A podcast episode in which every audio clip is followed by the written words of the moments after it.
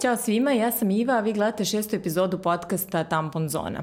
Ovaj podcast možete da slušate na Soundcloudu, da gledate i slušate na YouTubeu ili na Mondo portalu.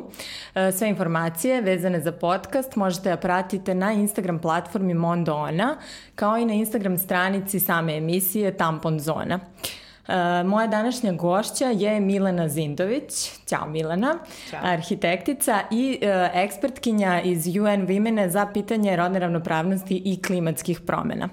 Ja Milenu znam iz hiljadu nekih drugih priča, evo i morala sam pre ovog podcasta da je pitam kako da je predstavim, pošto je znam to sa nekih pet različitih strana, ali danas smo ovde uh, da pričamo o jednoj temi koja, eto, kad i gledamo na filmu i kad gledamo neke science fiction stvari, mi se često uplašimo od toga šta se dešava. Kada nam se te stvari dešavaju u stvarnom i svakodnevnom životu, nekako ih ignorišemo i često žmurimo na njih. Dakle, danas ćemo pričati pre sve, svega o klimatskim promenama, ali i o rodnoj komponenti u klimatskim promenama. Ovaj, e, Milana, e, šta misliš, evo, svakodnevno gledamo i te statistike, različite istraživanja koje se rade na polju klimatskih promena i koje uopšte ne obećavaju. Ono, to su neke stvarno strašne stvari se dešavaju i ono što je najstrašnije u svemu tome jeste da je čovek faktor zapravo koji je izazvao sve to. E, šta misliš koliko je čovečanstvo zapravo svesno toga šta mu se dešava danas kada su klimatske promene u pitanju?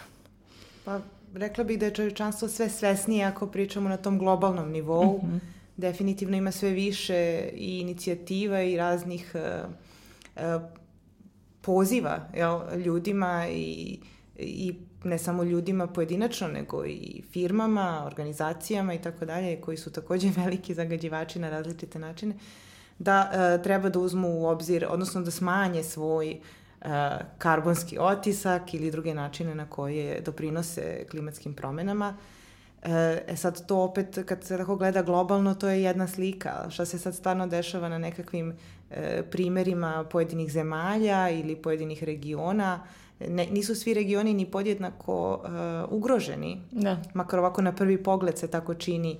Uh, Afrika, na primer, je ugrožena ili ostravske države, one koje se nalaze blizu okeana, mora, koje se nalaze na putevima ovih uragana, to svake godine slušamo po nekoliko razarajućih uragana, a nama se ovde čini da smo mi nekako zaštićeni ovom da našom ušuškani, evropskom da. kontinentalnom klimom, ali onda nam se desi 2014. ili da, ali evo godine. i ovde isto sad sam skoro pročitala podatak da su izmerene i u Evropi, a i u širom sveta e, neke najviše temperature za ovo vreme.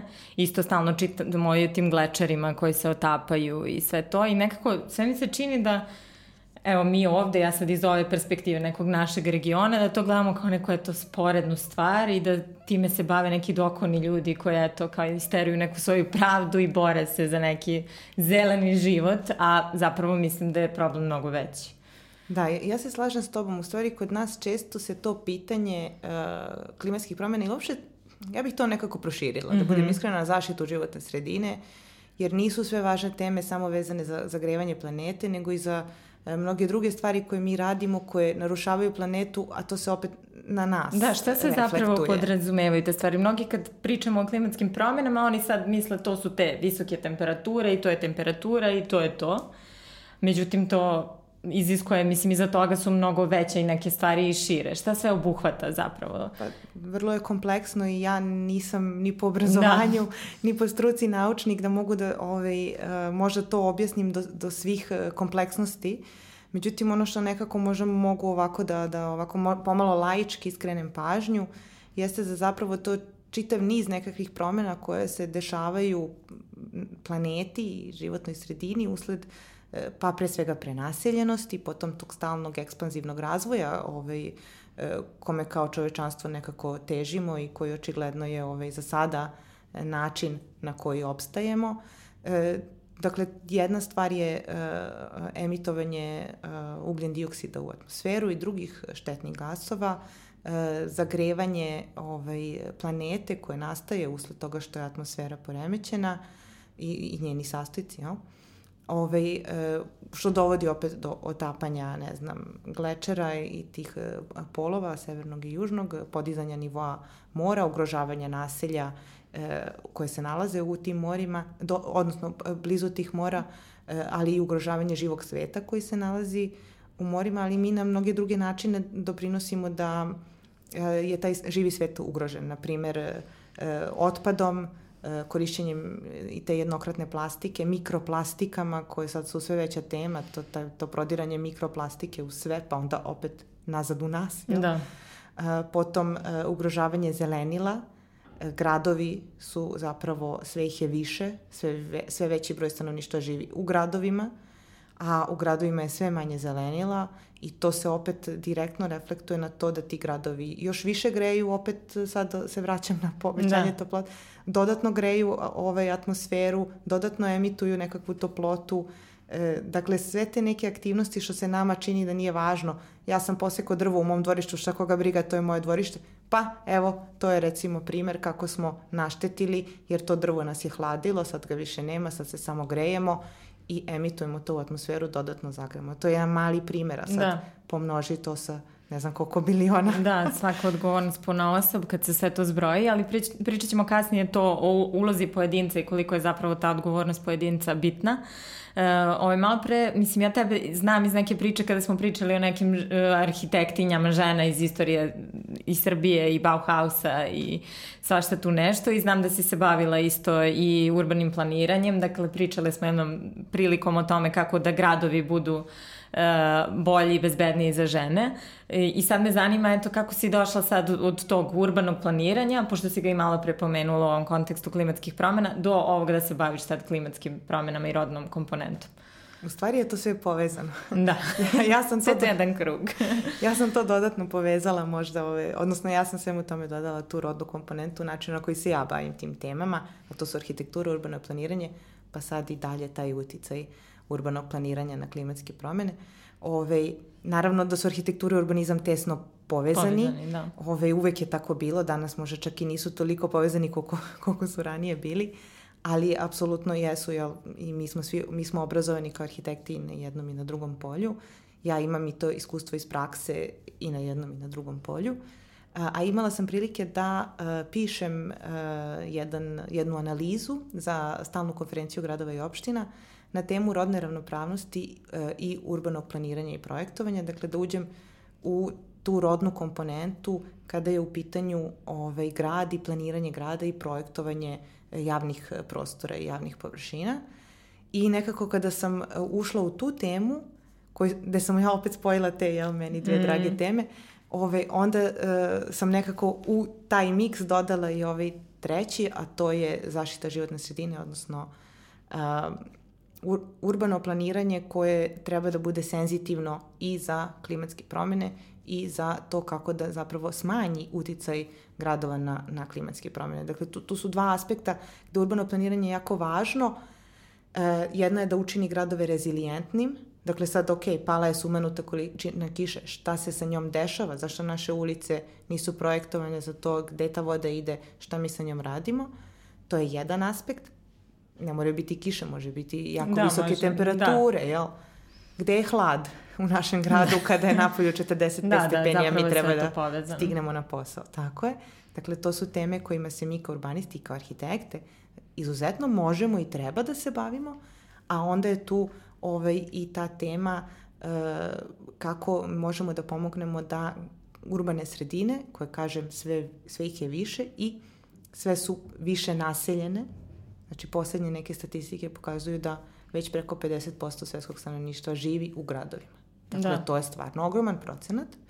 Kako sada ti ogromni gradovi, koji sve više rastu, e, kako mi možemo da smanjimo njihov uticaj na zagrevanje planete, kako možemo da smanjimo ta toplotna ostrava, koji su to načini kroz arhitekturu i kroz urbanizam gde mi to možemo da ublažimo da. efekt. I na kraju treći, građevinska industrija kao takva je takođe veliki zagađivač. Da, ja sam pročitala neki užasni podatak da će do 2050. godine se desiti 500.000 smrti zbog prenaseljenosti, ne znam, poljoprivrede i svega, miksa svih tih stvari koje, se, koje će kao da se dese ako nastavimo ovim tempom, što me onako baš prenela, razilo i štrecnulo. Ovaj, malo pre si pomenula da to, nisu sve, svi delovi sveta i planete, dakle, jednako ne preti ista sudbina sa svim delovima, ali e, kakva je situacija kad su naši prostori u pitanju i klimatske promene? Koliko su ljudi svesni toga šta se dešava i koliko se zapravo toga ovde dešava? Koliko mi trpimo od svega toga? Pa trpimo i mi. Mislim, definitivno trpimo i mi, to smo videli i na primjeru tih poplava i ok, bile su te razorne 2014. ali već i 2015. imali smo u nekim delovima Srbije da. ponovo mm. poplave. Da vi imate stogodišnju poplavu za dve godine za redom, očigledno nešto se dešava i to nije baš onda zaista stogodišnja poplava. A, druga stvar koju mislim da svi osjećamo na svojoj koži svake, svake godine jeste ovaj, da je leto sve užarenije evo ove godine meni se čini kao da smo mi zapravo prešli u nekakvu monsunsku klimatsku da. ove zonu, jer ove kiše više podsjećaju na monsune indijske nego na one neke letnje pljuskove koji možda su ranije karakterisali našu klimu. Dakle, definitivno su to neke promene, možda one nisu tako nagle ili možda nisu tako razarajuće, mm -hmm. da mhm. tako se izrazimo, ovaj, e, koliko mogu da budu u siromašnim zemljama. Ipak zemlje Evrope su sve ipak bogatije, jel? Mm -hmm. ipak je to neki razvijeniji svet, pa i, pa i Srbija na neki način da. spada u to. I ipak su naši građani dobar procenat je zaštićen, jel? Imamo čvrste kuće, imamo nekakve ove, imamo nekakva skloništa, mnogo je kora situacija nekim drugim delovima sveta, ali opet se i u takvim razvijenim zemljama ove, imamo situacije da i ljudi umiru od preterane vrućine, uh, imamo štete koje nastaju od tih poplava, A, a prosto je naravno jedno pitanje na koje ja nemam odgovor i koje će se možda tek istraživati, a to je koliko to se utiče na naše zdravlje dugoročno, šta mi da. zapravo ovaj, sebi radimo, to, to ne znamo. Mislim, to zaista mislim da niko sad u ovom trenutku ni ne može baš precizno da, da odgovori. Da, ali je definitivno bi trebalo ono, svi da povedemo malo računa, evo sad kad je bilo ovo sa naplaćivanjem kesa, je kao da se ne znam ni ja šta desilo, a to je jedna sasvim minorna mera ali vrlo zaštitne, efikasna. ali i da. Naše da. istraživanje je pokazalo da. da od uvođenja te mere 60% ljudi je smanjilo Jel jeste? Dobre. Dakle, efekat postoji. da, dobre. Dakle, mera je dobra. Da. Naprimer, to je odlična mera i smanjio se nisu svi prestali da koriste kese, ali... Ja sam primetila da se svest promenila. Ono, primetila sam da ima sad ljudi koji dolaze sa cegerima u prodavnice. Da. Opet ima onih redak, reakcija gde gde čak sam jednom pristala da prodavačica stalno insistira da uzmete kesu, njoj nije jasno zašto se to plaća, naravno ima i toga, ali se menja svest polako da. i stvarno je definitivno bolje da tako nešto sad postoji da je uvedeno nego da nije. I treba, treba dalje to nastaviti. Da. Mene je ovaj, i bavili smo se i tom temom ovaj, sa UN Womenom i, i upravljanja otpadom, pa smo se pitali upravo tako neka pitanja. Kako sad recimo ovaj, e, na pijaci tamo sad i dalje ovaj, te kese dominiraju. Da. Međutim, ima jako puno dobrih predloga, ovaj, mogu se naći na internetu od pojedinaca, ima jako sve puno e, pojedinaca, a zapravo meni se čini da su to uglavnom žene. Mm -hmm. dakle, ima jako puno žena, valjda zato što se one možda i više bave domaćinstvom, pa nekako više provode vremena razmišljajući kako da to e, domaćinstvo bude što efikasnije ili kako da smanje njegov uticaj jel, negativni.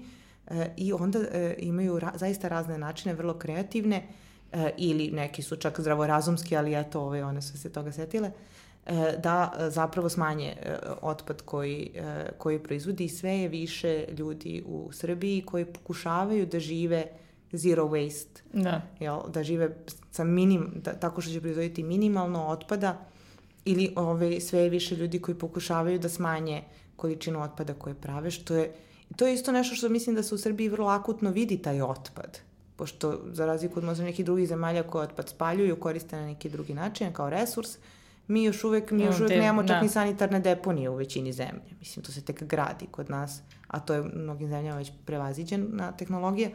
Dakle, mi se još uvek bavimo time kako uopšte da odložimo taj otpad na nekakav sanitarni način, a kamoli šta ćemo posle s njim kad ga jednom budemo odložili. Dakle, može nama ovaj, nije ovaj, ozonska rupa najvažnija tema, ali evo recimo otpad bi zaista mogao da bude. Da, jer ga je svuda. da, tako je. da, ovaj, sad si pomenula to da je, ti si se ba, i bavila istraživanjem otpada u Srbiji, to ćemo nešto kasnije o brojkama i nekim e, drugim detaljima vezanim za to istraživanje, ali pomenula si dakle žene kao, kao grupu koja se tu istakla kao neko ko više brine. Nosioce nos... promene. Eto, da. Ovaj, e, I malo pre sam te najavila dakle, da ćemo pričati o rodnoj komponenti u okviru teme klimatskih promena. Ovaj, jel bi mogla da objasniš dakle, šta podrazumeva uvođenje rodne komponente u ovako jednu disciplinu?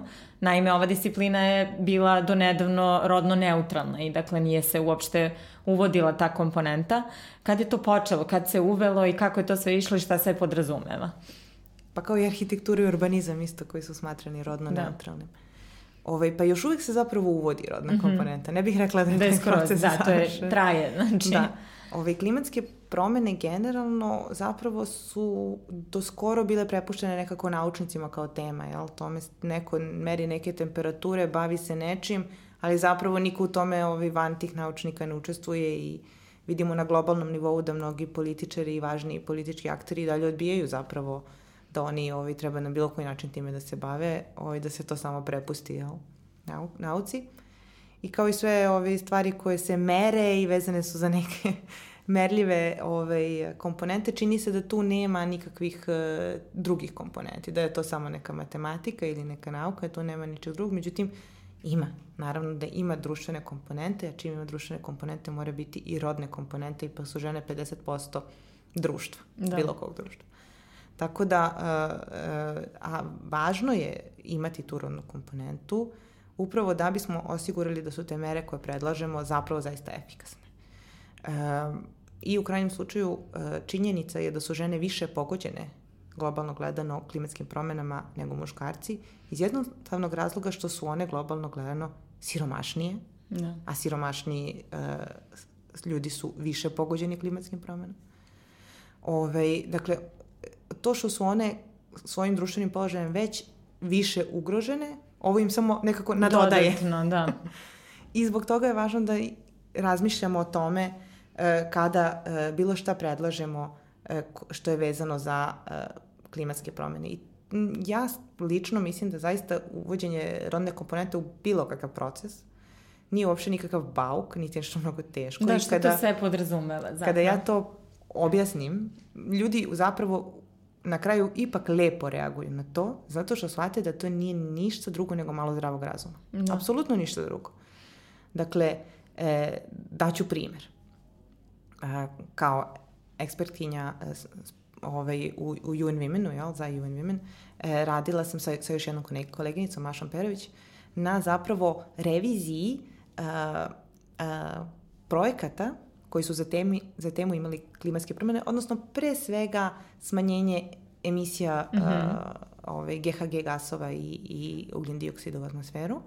Dakle, različiti projekti koji su različiti ljudi, firme ili organizacije Srbije predlagali kako da se to umanji. Sve je to bilo raznih kreativnih ideja sjajnih, a naš posao je bio da e, pomognemo i da pronađemo rodne komponente u nekim od tih, u stvari u svim tim projektima. Da, da.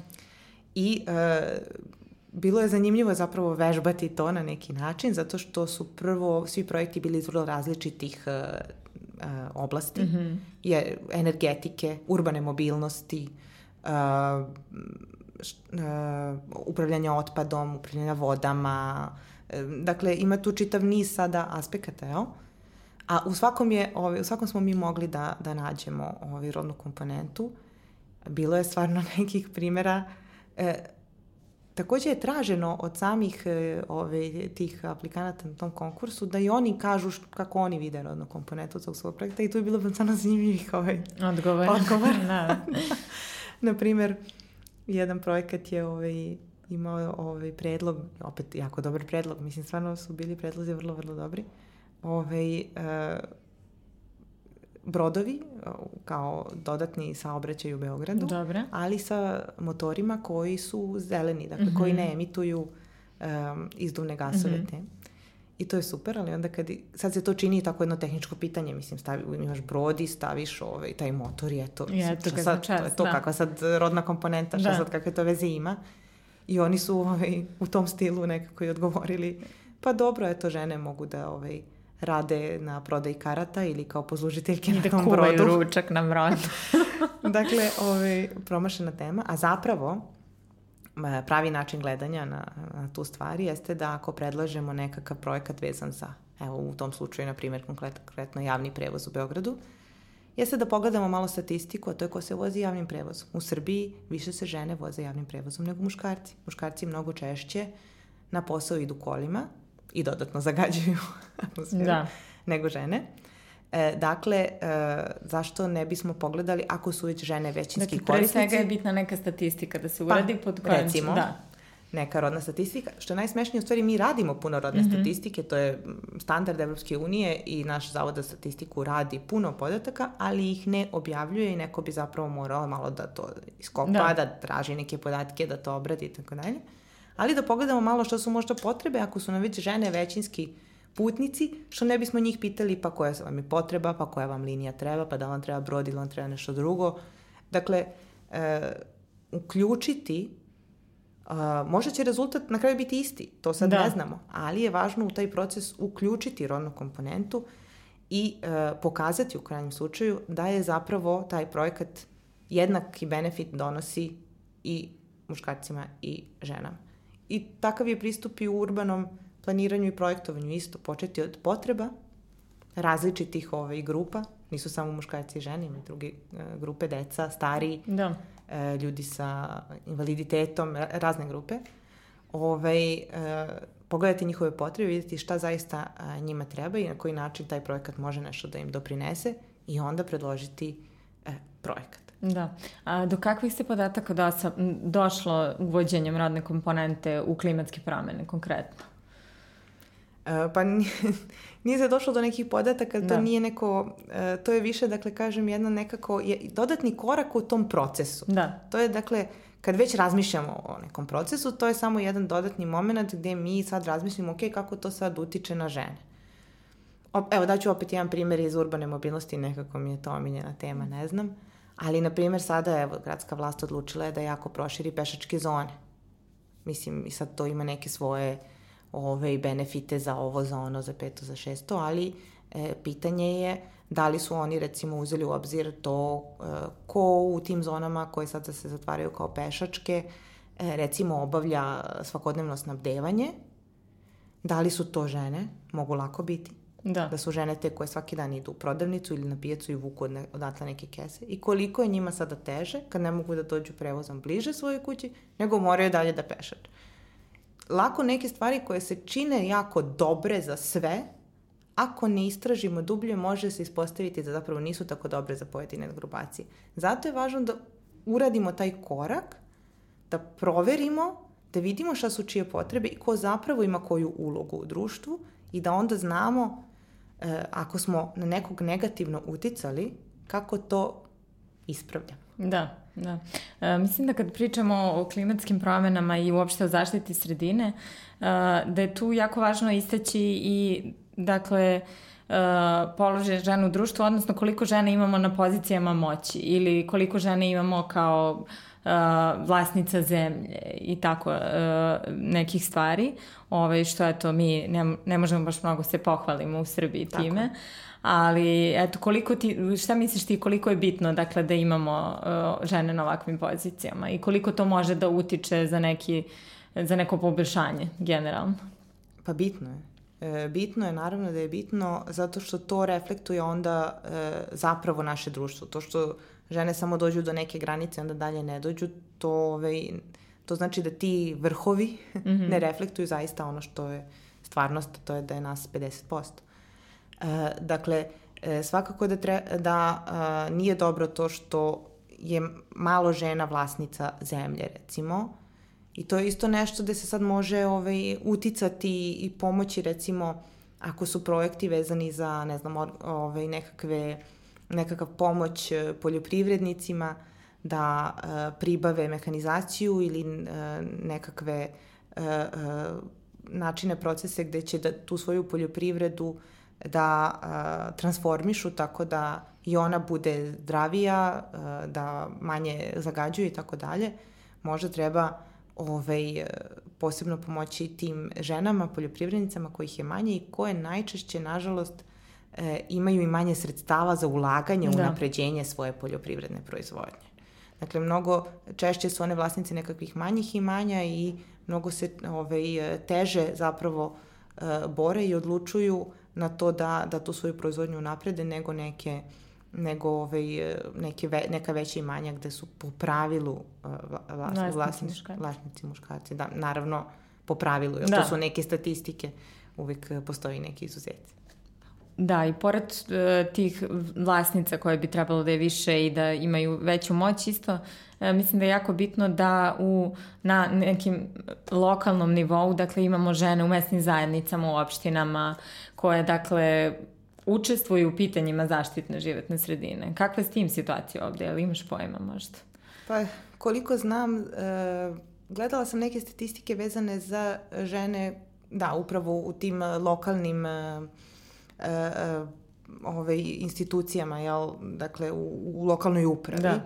E, I zapravo e, u samoj opštini ili gradu i tako dalje, na tim nekakvim nivoima nižim, ono, službeničkim i tako, ima više žena, ima više žena nego muškaraca i onda kako se Kako penjemo piramida ide opet gore, ka mestu gradonačelnika ili predsednika opštine, tako se ovaj, e, zapravo gubi broj žena, pa je malo žena koje učestvuju u radu gradskog veća ili opštinskog veća kao tela ovaj, odmah uz ovaj, gradonačelnika ili predsednika opštine. E, međutim, ima, ima u Srbiji na A što misliš, koliko je to važno kad gradova. pričamo o temi klimatskih promjena i zaštite, zaštite životne sredine? Kod nas je, nažalost, važno zato što je, mi još uvijek živimo u nekakvom, prilično nekako političkom sistemu gde se jako gleda šta će ta glavna figura, nije važno na kom nivou reći. Dakle, mi nemamo sistem koji sam već nešto radi, mi nemamo nekakve ovaj, e, ljude koji će nešto raditi bez obzira šta se dešava sad politički, da li se menja ili se ne menja ili šta se dešava, nego mi zapravo i dalje nekako svaku ta, svaka ta promjena nama potpuno poremeti sistem, pa krene iz početka, pa su u upravama mnogi zaposleni više digli ruke od svega jer mogu Da. da prate. Tako da je, kod nas specifično to jeste važno. Možda, možda negde drugde nije važno, gde je konsenzus na nivou društva postignut, Postoji da jel, da nešto treba da. da. se uradi kako to treba da se uradi i da se to radi.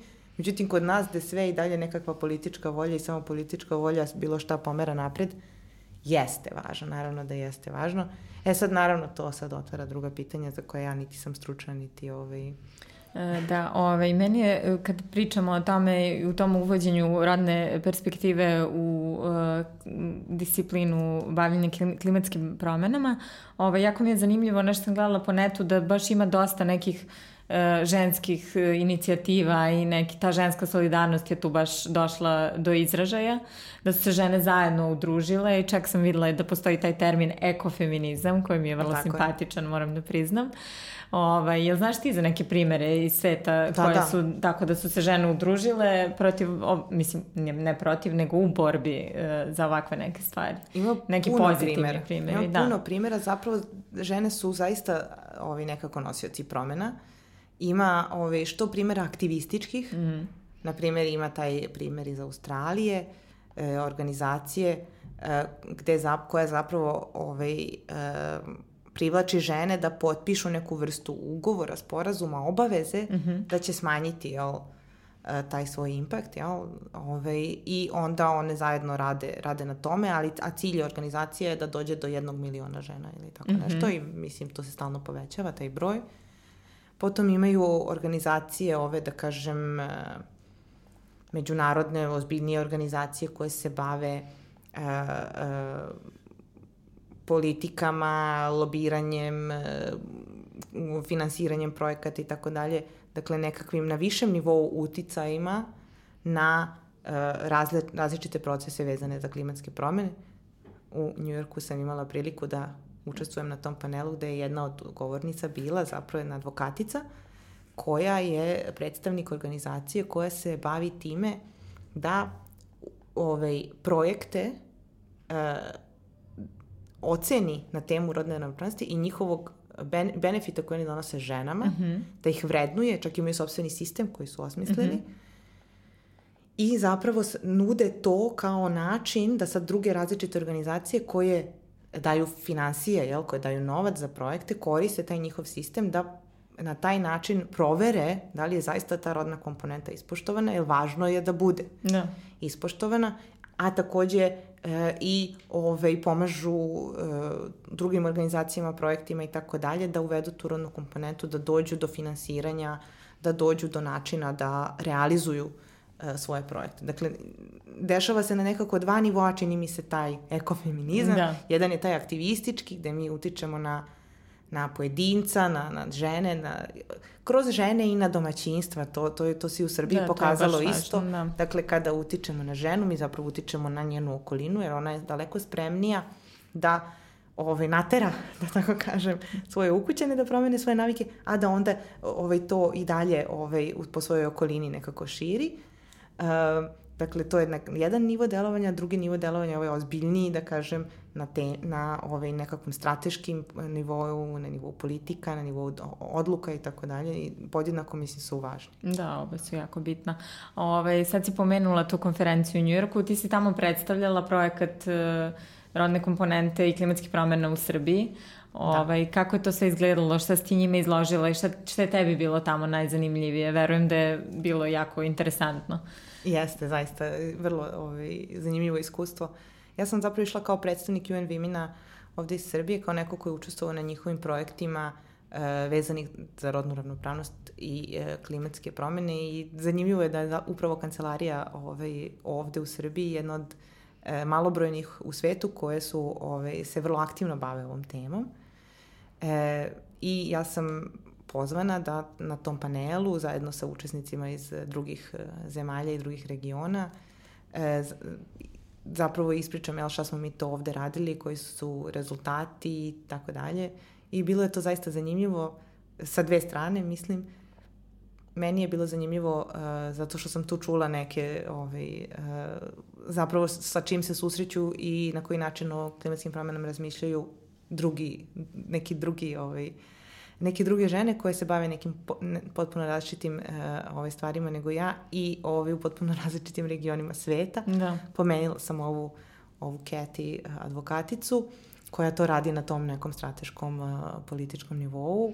Uh, i ovaj, aktivističkom, ali na tom višem nivou. Potom je tu bila jedna vrlo ovako grassroots aktivistkinja iz Afrike uh, koja je vrlo davala sjajne primere, vrlo konkretne e, tih e, plemena i tih naroda u Africi koji dalje vrlo, vrlo žive, njihov način života je izuzetno vezan za prirodne cikluse. Mm -hmm. I sada sa poremećajem prirodnih ciklusa njihov način života je izuzetno ugrožen. Dakle, oni su tačno znali kada pada kiša i čitave sad, jel, način života je vezan za to šta se radi kad pada kiša, šta se radi kad je suša i tako dalje. E sad kad se to poremeti pa ta kiša ne padne, šta se dešava? I naravno kako to mnogo više pogađa devojčice i žene u tim narodima e, nego muškarce, da su upravo one te koje idu po vodu, pa sad ona umesto da ide po vodu 2 km, ona ide 5 km da. po vodu. Mislim, dakle, neki vrlo primeri plastični i jako zanimljivi.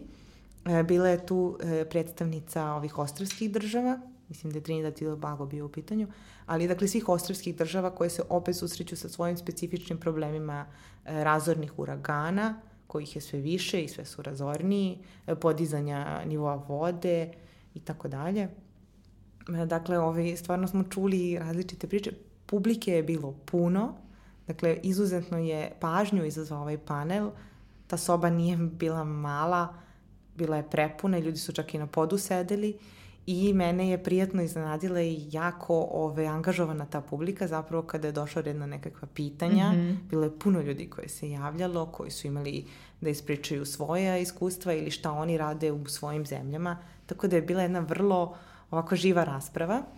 E, ja sam pričala upravo... Šta si ti tačno prezentovala tamo? Da, to me pa zanima. Pa upravo ta dva projekta koja je UN Women ovde u, ove, u Srbiji radio na kojima sam ja učestvovala, to E, su, e, je taj projekat koji sam pomenula vezan za e, dakle, projekte koji se bave klimatskim promenama i traženje rodne komponente u tim projektima. Mi smo pre nego što smo se bavili tim, da kažem, mentorskim procesom pomaganja aplikantima da ovaj, razviju rodnu komponentu, takođe i obišle Srbiju i održale uh, tribine u, u, u više gradova, mislim, Užice, Niš, Novi mm -hmm. Sad, Beograd, Sub, Sombor, Šabac, mislim, stvarno smo ovaj, u puno gradova bile, e, da pričamo upravo o tome kako uopšte raz, razmišljati o klimatskim promenama i rodnoj ravnopravnosti, pa i u urbanizmu i rodnoj ravnopravnosti i održivom razvoju uopšte, koji je važna tema sigurno za sve lokalne samouprave. Um, I ovom drugom projektu koji se ticao upravljanja otpada u domaćinstvima i rodnom i rodne Da, šta si, šta si sve u okviru tog projekta radila? Do, do kakvih ste sve e, podataka došli?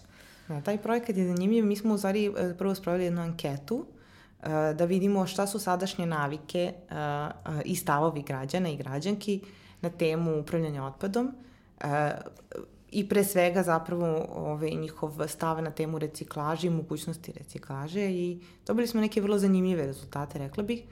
E, osim što smo saznali ove neke, da kažem, statistike, to je da četvrtina našeg otpada je jednokratna plastika, što je stvarno puno. A, sad, I naravno znali smo da je infrastruktura a, odlaganja otpada kod nas zaista u lošem stanju i to su građani apsolutno ovaj, toga svesni i to su potvrdili. Ali je bilo i nekih iznenađujućih podataka koji negde i ovaj, u krajem slučaju ulivaju optimizam a to je da već e, i sada 30% domaćinstava ipak reciklira, bez obzira što su uslovi za to zaista e, bedni. Potom 90% građana smatra da je jako važno da se priča o zaštiti životne sredine, to je jako važna tema za budućnost. Pomenula sam da je 60% prestalo, odnosno smanjilo upotrebu plastičnih kesa, što je isto sasvim dobar rezultat. E, I e, ono što je negde nama možda bio najvažniji rezultat i zaključak jeste da su žene te koje su nosioci promjena, dakle da e, je mnogo e, više žena se izjasnilo da su upravo one te koje u domaćinstvu donose te pozitivne promjene i da i koje su u stanju da utiču na celo domaćinstvo i na svoju okolinu generalno. Nakon što smo to istraživanje uradili, obradili i izvukli te zaključke, E, imali smo i tu kampanju, e, internet kampanju, ma, mada smo kroz istraživanje videli da i dalje na 50% ljudi ovaj, kao osnovno sredstvo informisanja im i dalje televizija. Ipak, da. Da, bez obzira na to da, širenje, da, ekspanziju interneta. Ovaj, uh, ali dobro, ovo je bila internet kampanja uh, ovaj, uh, koja je e, istakla neke od ovih, od ovih e, koje sam i sad ja ovaj, rekla, ovih naših zaključaka i pozvala e, pre svega građanke, ali i građane, zašto ne, da ovaj, zapravo preuzmu nekakve korake da smanje sobstvenu proizvodnju otpada.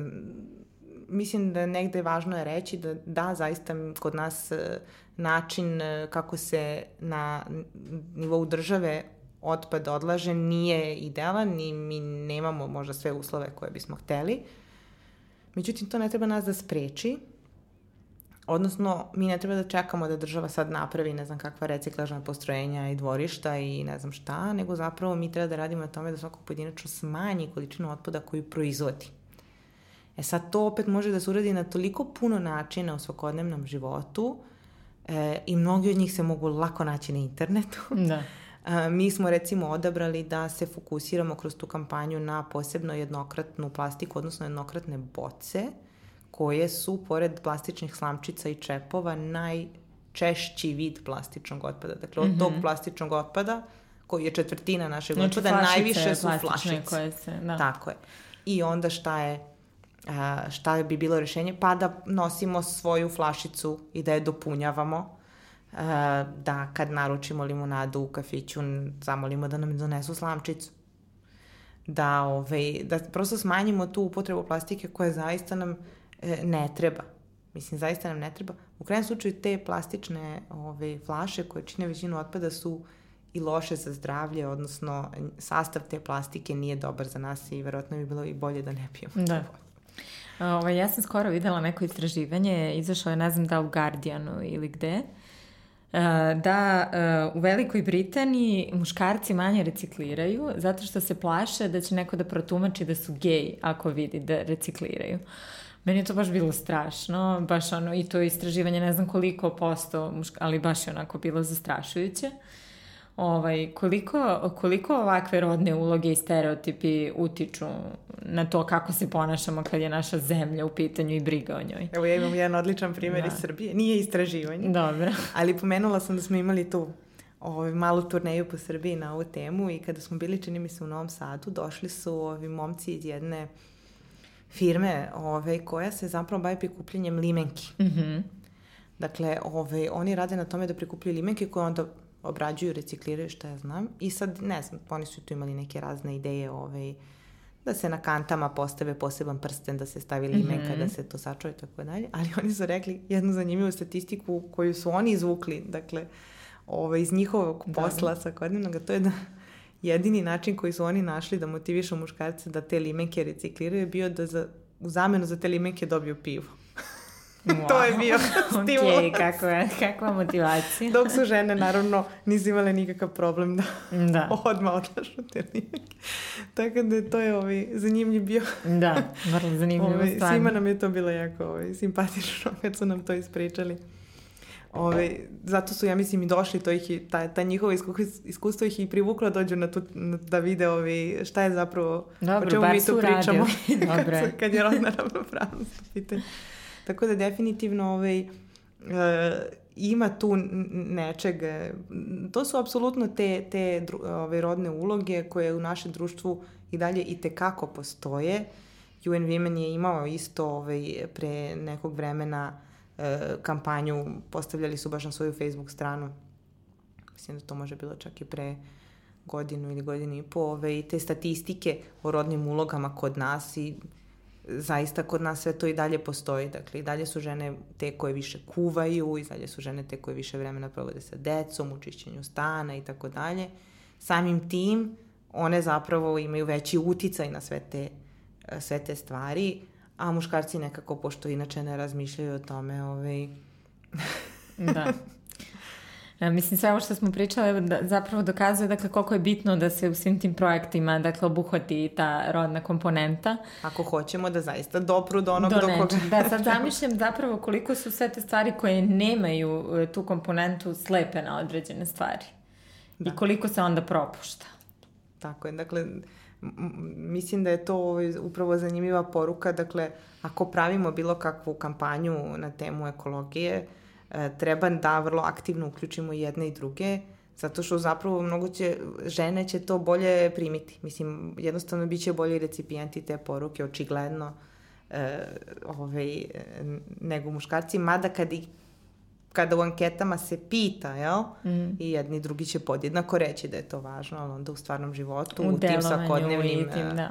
ovaj, navikama, žene su mnogo spremnije da svoje navike e, promene. Da. E, da li postoji neka statistika, pošto je to e, najveća katastrofa što se tiče klime koje su u Srbiji desile, su ove poplave koje su bile 2014. godine. E, da li tu postoji neka statistika koja je rađena, koliko su žene bile pogođene ili tako nešto? Ja ne znam da postoji ta da. ovaj, statistika. E, verovatno da jesu bile više pogođene iz prostog razloga, kažem ponovo, što je, su ovaj, već ugrožene da. A, svojim položajem, pa je ovo, da kažem, samo dodatno, ali ja ne znam, da. možda je rađena, ali ja zaista ovaj, ne znam da, da tako nešto postoji. I jeste ta tema kod nas... Uh, nekako, ne samo kod nas, u mnogim zemljama to je, to je nova tema i to sam saznala u Njurku, dakle da svi još uvek ovaj, e, negde traže način da, da rodnu ravnopravnost uh, ovaj, da nađu tu rodnu komponentu u pitanjima klimatskih promena i zapravo je taj panel bio zanimljiv zato što je svako od učesnika, odnosno učesnica bio možda jedan učesnik, ove, ovaj, ima neko svoj aspekt, svoj, svoj različiti aspekt i perspektivu i svi smo nešto naučili jedni od drugih.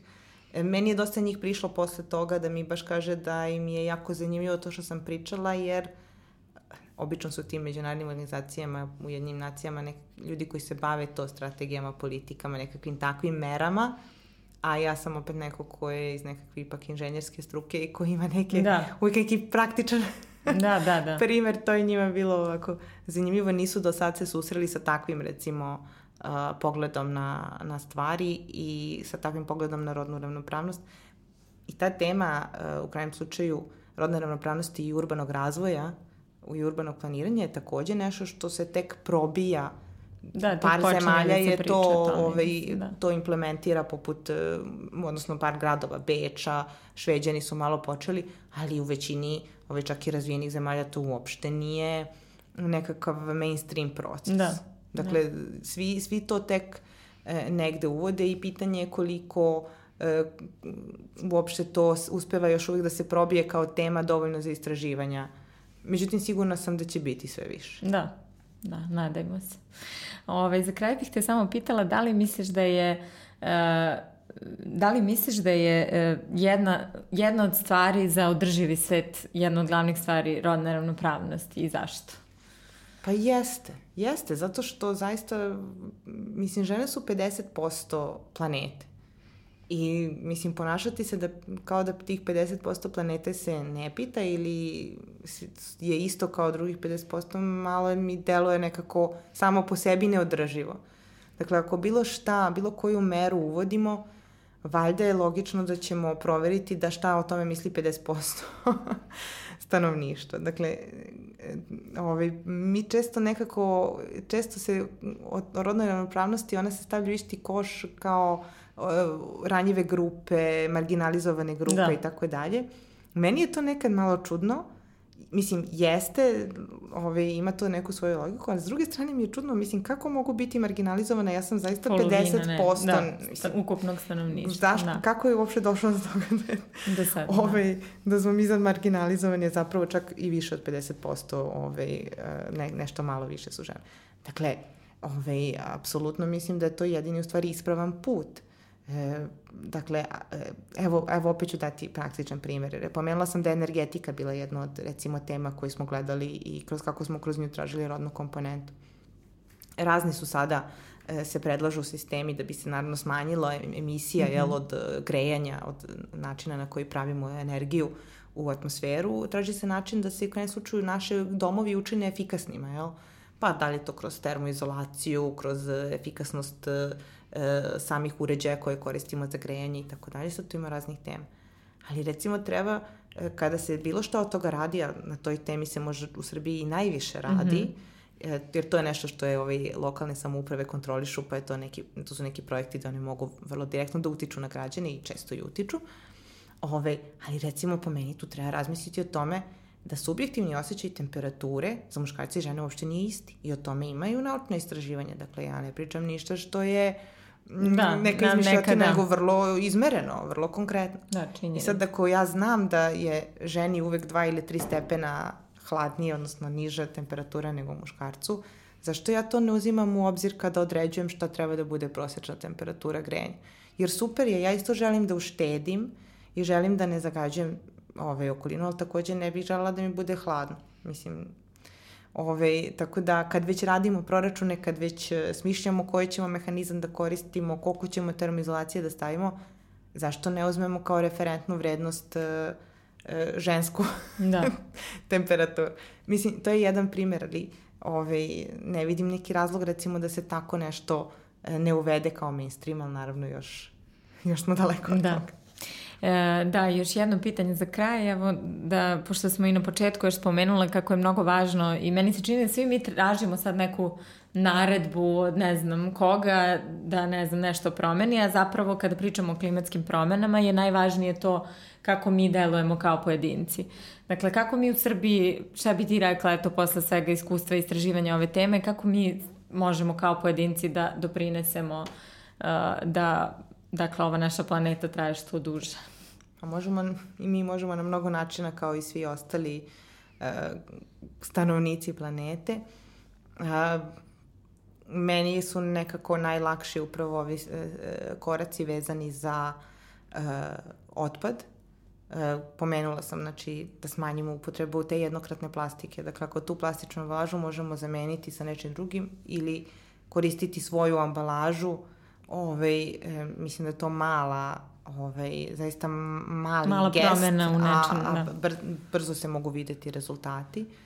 Međutim, pored e, smanjenja otpada možemo mi još mnogo stvari. Na primer, na početku sam pomenula zelenilo u svakom dvorištu e, ili recimo e, tu našu želju da ako možemo popločamo dvorište, ne, da ne bi slučajno morali da kosimo travu ili skupljamo ove lišće iz dvorišta.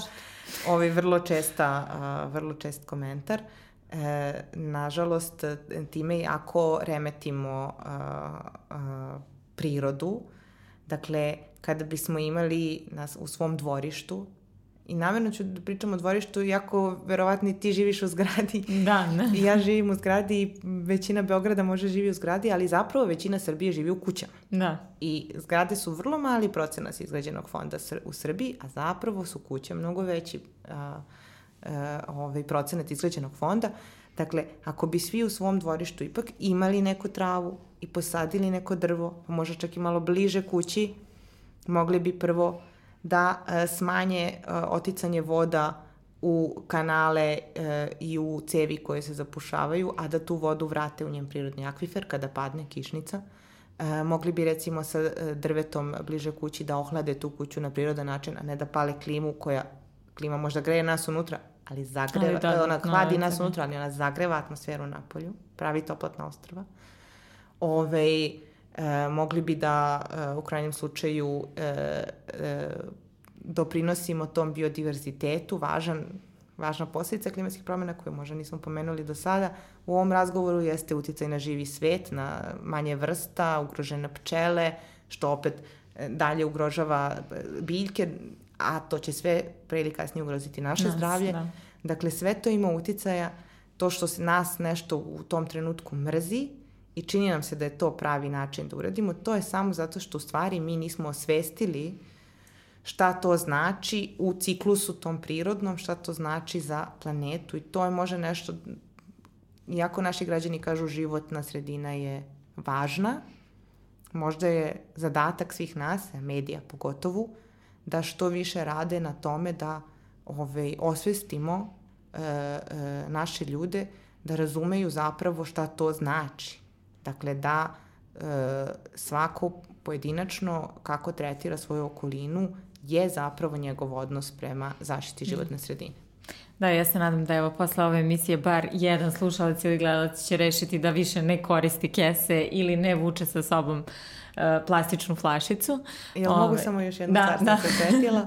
Da, ovaj, uh, mada to kod nas je teško i to moram da priznam i meni je teško, ali pošto se emisija zove tampon zona i mm -hmm. pošto se teme rodne, mm -hmm. ja bih mhm. tela da, da dodam to da e, možda, možda ćemo mi kao ovaj, kupci izvršiti pritisak na neke ovaj, lance trgovinske.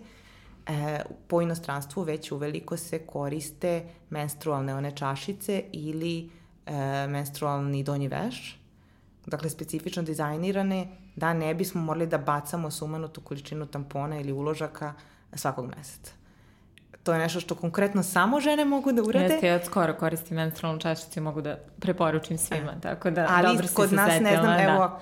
Ima da se nabavi kome treba, neka mi se Od prilike, jer da. teško se nabavlja, yes, kod nas nema da. da se kupi, ali je recimo to nešto što baš ovako za yes. slušateljke specifično, tela sam ovi, može to da, da napomenem zato što Jeste, dobro je... se setila. Da. Tako, tako je emisija.